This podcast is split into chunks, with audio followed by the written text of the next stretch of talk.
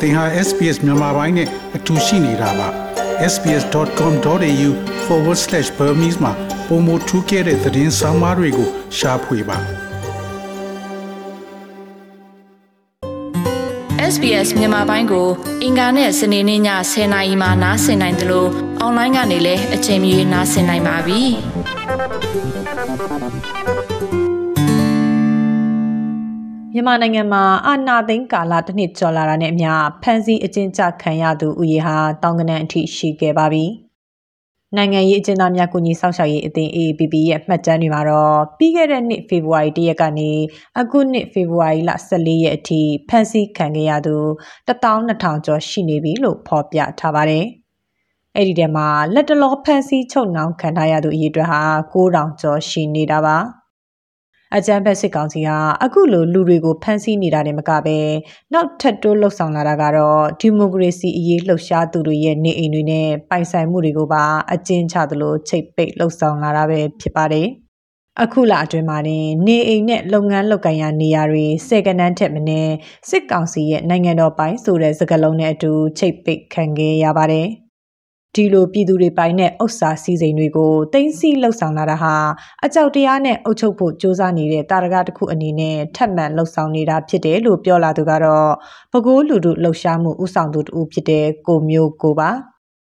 သူ့နေအိမ်ဟာလည်းဇန်နဝါရီလအတွင်းမှာပဲစစ်ကောင်စီရဲ့ချိတ်ပိတ်ခံခဲ့ရတာဖြစ်ပါတယ်ဒီလူအစတော့သူတို့က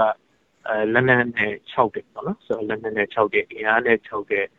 ဖန်ဆီးမှုတွေလည်း၆တယ်ပေါ့နော်ဆိုတော့ဒီဟာကိုအဲပြည်သူကနောက်မဆုတ်ပါဘူးနောက်မဆုတ်ပဲနဲ့ဒီစစ်တပ်ကိုဒီရှန်လာတဲ့တော့ဆက်ပြီးတော်လှန်နေပေါ့နော်ဆိုတော့တော်လှန်တဲ့နေရာမှာအဲတစင်မီတစင်ဒီဘက်ကလည်းအရှိန်ခေါင်းလာတဲ့ခါမှာအဓိကတော့စစ်တပ်ကတော့ဟိုအကြောက်တရားပေါ့နော်ဆိုတော့ဒီလိုမျိုးနဲ့ထည့်တာပေါ့အဲ့ဒီနောက်ဆုံးမှာတော့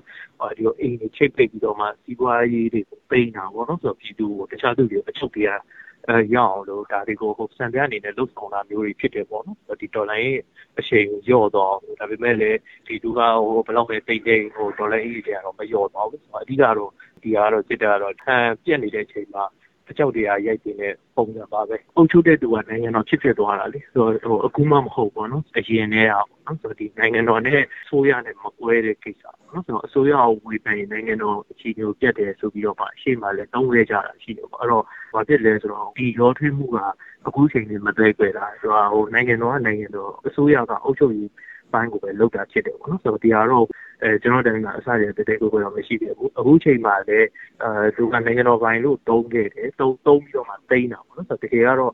စစ်တပ်ကအခုချိန်နိုင်ငံအကျိုးစီးပွားကိုဘာမှလုပ်နေတာမဟုတ်ဘဲနဲ့ကိုကျိုးစီးပွားကိုပဲလုပ်နေတာဖြစ်တဲ့အတွက်ကြောင့်ဒါကတော့ပြည်သူကိုခုနကကျွန်တော်ပြောသလိုအကြောက်တရားရောထွေးပြီးတော့မှအကြောက်တရားရိုက်သွင်းတဲ့သဘောပဲဖြစ်တယ်ပေါ့နော် အကြမ်းဖက်စစ်ကောင်စီကနိုင်ငံတော်ပိုင်သိမ်းတယ်ဆိုပြီးနေအိမ်စားတောက်ဆိုင်တဲ့လုပ်ငန်းတွေကိုစီးနင်းရှာဖွေချိတ်ပိတာတွေကိုပြီးခဲ့တဲ့နှစ်အောက်တိုဘာလနောက်ဆုံးပတ်လောက်ကစပြီးပိုလှုပ်ဆောင်လာတာပါ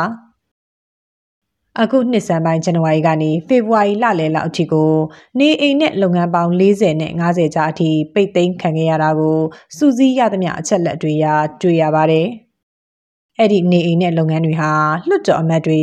စစ်အာဏာရှင်ကိုစန့်ကျင်တော်လှန်ရေးတက်ကြွလှုပ်ရှားသူတွေပါတီဝင်တွေတပိတ်ကောင်းဆောင်တွေဒီမိုကရေစီအရေးထောက်ခံအားပေးသူတွေ CDM ဝန်ထမ်းတွေနဲ့သတင်းမီဒီယာသမားတွေစတဲ့ကဏ္ဍပေါင်းစုံကပြည်သူတွေရဲ့ပိုင်ဆိုင်မှုတွေပဲဖြစ်ပါတယ်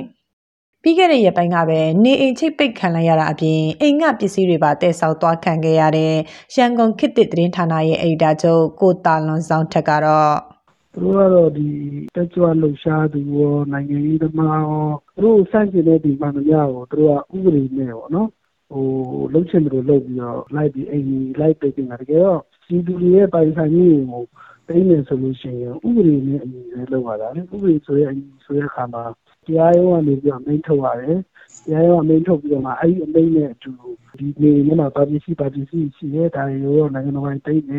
စသည်ဖြင့်ပေါ့လေအဲ့လိုမျိုး process တွေတွန်းလာတာပေါ့အခုကျတော့သူတို့ကိုဆန့်ကျင်တဲ့သူတိုင်းပေါ့နော်ဘယ်သူမဆိုပေါ့တကယ်မှလည်းပါတယ်အဲနောက်ဆုံးဖုန်းကြီးတောင်မချမ်းဘူးပေါ့လေဖုန်းကြီးတောင်သူတို့လည်းအမြင်မတူတော့ဘူးဆိုလို့ရှိရင်ဖုန်းကြောင်းဝင်ပြီးတော့ချိတ်ပိတ်တာလို့ပါတော့အဲ့လိုမျိုးတွေပါလုပ်နေတာဆိုတော့နေအိမ်တွေမဟုတ်တော့ဘူးပေါ့နော်ဒီသာသနာနဲ့ပတ်သက်တဲ့ဒီပါသူတို့ဆန့်ကျင်လို့ရှိရင်ချိတ်ပိတ်တာတွေကြောင်းတွေချိတ်ပိတ်တာတွေအဲ့လိုလုပ်တာပါအဲ့တော့ရှင်းရှင်းပြောရရင်ဥပဒေလည်းမီဘူးဟို ငါတို့နဲ့အမြင်မတူတဲ့လူကငါတို့ရန်သူပဲဆိုတဲ့ပုံနဲ့ပဲသူတို့ကနှိပ်ကွက်တာပေါ့နော်အဲ့လိုပြောလို့ရတော့အကြမ်းဖက်စစ်ကောင်စီဟာပြည်သူတွေရဲ့ပိုင်ဆိုင်မှုတွေကိုဥပဒေမဲ့သိမ်းယူနိုင်မှုအတွေ့ကြေညာချက်တစ်စောင်ကိုလည်းပြီးခဲ့တဲ့နှစ်စက်တင်ဘာလကလေးကထုတ်ပြန်ခဲ့ပါတယ်။ အဲ့ဒီထုတ်ပြန်ချက်မှာတော့နေအိမ်တိုက်ခန်းငှားရမ်းသူအိမ်ရှင်တွေအနေနဲ့ငှားရမ်းနေထိုင်သူတွေနဲ့ပတ်သက်ပြီးရက်ကွက်ကျေးရွာအုပ်ချုပ်ရေးဥပဒေဆက်ခွန်အရဧည့်စီရင်တိုင်ကြားဖို့တာဝန်ရှိတာကြောင့်ငှားရမ်းနေထိုင်သူရဲ့ကိုယ်ရေးအချက်အလက်အထောက်အထားပြည့်စုံစွာနဲ့သက်ဆိုင်ရာအုပ်ချုပ်ရေးရုံးကိုအိမ်ရှင်တွေအနေနဲ့ဧည့်စီရင်တိုင်ကြားရမယ်လို့ပါပါတယ်။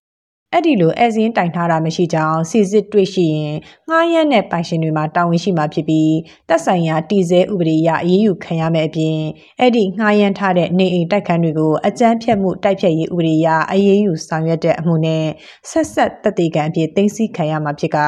တရားရုံးမှာစစ်ဆေးပေါ်ပေါက်ချက်အရနိုင်ငံတော်ဗန္နာအဖြစ်သိမ်းဆည်းခံရမှာဖြစ်တယ်လို့လည်းဖော်ပြထားပါတယ်။ ဒါဟာအမျိုးသားညီညွတ်ရေးအစိုးရနဲ့ပြည်သူ့ကာကွယ်ရေးတပ်ဖွဲ့ဝင်တွေကိုငှားရမ်းနေထိုင်ခွင့်ပြုထားတဲ့အင်ရှင်တွေကိုဥတီခဲ့တဲ့ထုတ်ပြန်ချက်တစ်ခုဖြစ်သလိုတော်လန်ရေးမှာပါဝင်နေသူတွေကိုချင်းချောက်လိုက်တဲ့သဘောလို့အများစုကတော့မှတ်ယူကြပါတယ်။ဒီလိုအကြောက်တရားဝင်အောင်ပြည်သူတွေကိုစစ်ကောင်စီကချင်းချောက်လှုပ်ဆောင်ပြနေပေမဲ့လည်းလက်ရှိအချိန်ထိတော့မအောင်မြင်သေးဘူးလို့မှတ်ယူထားသူကနိုင်ငံရေးအကျဉ်းသားအရေးဆောင်ရွက်နေသူဦးထွန်းကြည်ပါ။ သူတို့စစ်အာဏာတည်တံ့ခိုင်မြဲရေးအတွက်ကိုသူတို့ကတောက်တိုင်သုံးမှုနဲ့စပြီးတော့ foundation ကိုခိုင်ခိုင်မာမာတည်ဆောက်ခဲ့တာဒီနံပါတ်1ကမူတာဝါဒနံပါတ်2ကအကြောက်တရားနံပါတ်3ကအခွင့်အလမ်းပါနော်ဆိုတော့အကြောက်တရားနဲ့ပြန်ပြီးတော့အဲလောက်လာတာဒီနံပါတ်1တစ်ချက်အိမ်တွေကိုချိတ်ပိတ်တယ်ဖမ်းနေစီးတယ်အဲအိမ်ထဲထိကိုဝင်ပြီးတော့အဲဒီအင်အားသုံးတယ်အကြမ်းဖက်တယ် အခု2021ကျတော့88ထက်ကိုငကိုရောကပုံစံမျိုးတွေထက်ကိုဆူဆူဝမ်းဝမ်းတွေသူအခုလိုမျိုးလှုပ်လာတာဒီပြည်ရင်းမှာလည်းအုပ်ချုပ်လို့မရဘူး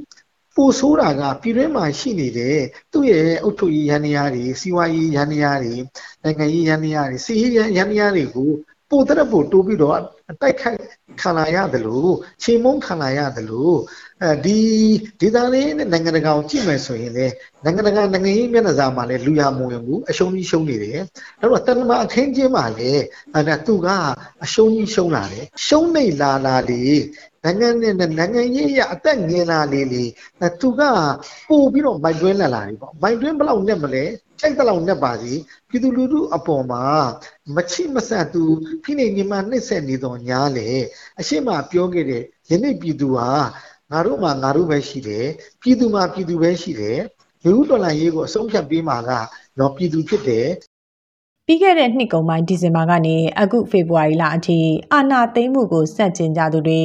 လက်နက်ကင်တော်လှန်ရေးအဖွဲ့နဲ့ဆက်ဆက်တဲ့ဆိုပြီးဆွဆွဲခံရသူတွေရဲ့ချိတ်ပိတ်ခံရတဲ့နေအိမ်တွေဟာရန်ကုန်၊ပဲခူး၊မန္တလေး၊မကွေး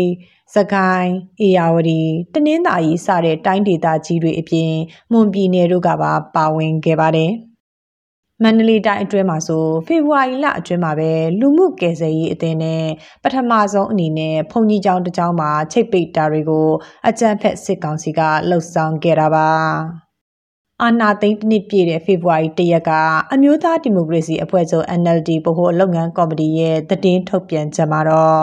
NLD လွှတ်တော်ကိုယ်စားလှယ်69ယောက်ရဲ့ နေအိမ်တွေ ချိတ်ပိတ်ခံထားရပြီး ပါတီနဲ့ ဆက်နွယ်သူ119ယောက်ရဲ့ အိမ်တွေလည်း ချိတ်ပိတ်ခံထားရတယ်လို့ ဖော်ပြထားပါတယ်။ ချိတ်ပိတ်ခံရတဲ့နေအိမ်တွေရဲ့ရှေ့မှာအကြမ်းဖက်အဖွဲ့အစည်းတွေနဲ့ဆက်ဆက်နေတာကြောင့်နိုင်ငံတော်ပိုင်သိမ်းမှာဖြစ်ပြီးမကျူးကျော်ဖို့ရောင်းချတာတွေမလုပ်ဖို့စတဲ့စာသားပါအနီရောင်ဗနိုင်းတွေကိုကတ်တာအဆောက်အုံတွင်ပစ္စည်းတွေတင်စီတာတွေကိုစစ်ကောင်စီတပ်ဖွဲ့ဝင်တွေကလှုပ်ဆောင်လေးရှိပါတယ်ဒီလိုလှုပ်ဆောင်တာတွေဟာဥပဒေရှုထောင့်ကကြည့်ရင်လွဲချော်မှုတွေဖြစ်တယ်လို့ဥပဒေပညာရှင်တို့ကတော့အခုလိုသုံးသပ်ပါတယ်။1968ကျွန်တော်တို့မပြီးခဲ့ပါဘူး ကျွန်တော်တို့ပြည်လာပြည်ရတဲ့ပတ်တန်းကြီးကဒီလိုပါတဲ့နေနေဆိုတာကလွယ်ပြီးတော့ဒီလိုမှုချင်းနေပတ်သက်ပြီးတော့ကျေကျေပြတ်နဲ့ချက်ပြီးသိကြည့်တာမရှိကြဘူးကျွန်တော်ဒီတိုင်းကြည့်ကြပါခုဒီလေကျွန်တော်တို့ကြုံနေတဲ့ပုံပေါ်ချစ်ချစ်ချစ်ပေါ့ဒီအနာဒီ ਨੂੰ ချစ်စင်မှာလေအလားတူရှိတယ်မနန်းမနန်းနာလီသူကိုယ်ပိုင်ဥစ္စာဖြစ်ပြီးဘူးအာဒီမှုမျိုးရရနဲ့စက်ရင်းပြီးတော့နိုင်ငံမှာရှိ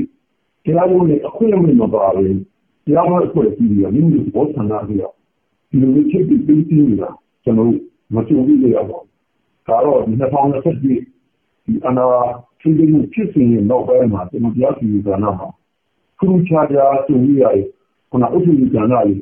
တရားစီရင်မှုကိုကြော်လွန်ပြီးတော့ဆောင်းနေတယ်ဆောင်းချက်ပြီးပြီကျွန်တော်ဒီလိုပြောနေရတာတရားတော်အဖွဲ့အစည်းဖြစ်တဲ့ရေတပ်ဖွဲ့ကြီးပူရီယုံကြီးနောက်တစ်ခါအာတရားကြီး မန်နိုင်ကနေပြီးတော့မှကျောင်းကြီးစိုးမိုးကြီးတွေတရားဥပဒေအာဏာကြီးတွေတက်ရောက်ဖို့ဆောင်းရပြီးရတယ်တရားဒီတရားစီရင်မှုအဖွဲ့အစည်းများဟာပြည်သေးဥပဒေများနဲ့နိုင်ငံနိုင်ငံများများရဲ့အမှုစီဝါကိုရှိရတယ်မမမမလက်ဒီကာဝေရာတဲ့ဒီအဖွဲ့အစည်းကြီးရဲ့အလိုရဥပဒေတွေမတိကျနေပြီဆောင်းနေကြတာဒီဒီလိုနဲ့အင်တာဝိညာဉ်တွေအကောင်းကိုအမတန်ဒီတရားစီရင်ယောဂဒီနည်းပြောမယ်လို့ဆိုတော့ တရားဥပဒေစိုးမိုးယောဂကို ရှက်ွက်ပြီးပြတာဖြစ်တယ်ဒီကျွန်တော်ကြားနေနေပါလေဘုရားဒါရီ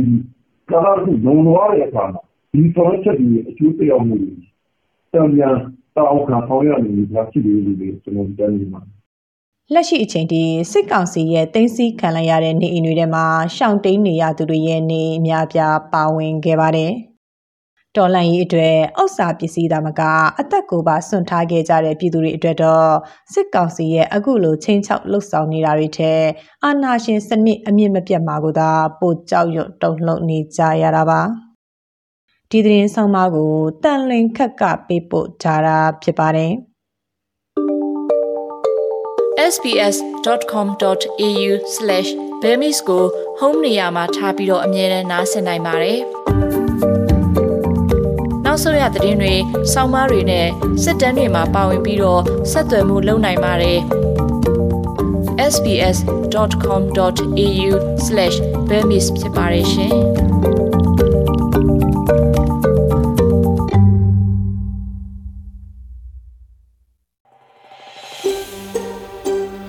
ဒါမျိုးသတင်းဆောင်မတွေကိုပိုနားဆင်လိုပါလား Apple Podcast Google Podcast Spotify တို့မှာ သင်ပင်ရာဖြစ်ဖြစ်ရယူတဲ့ podcast ကနေပါ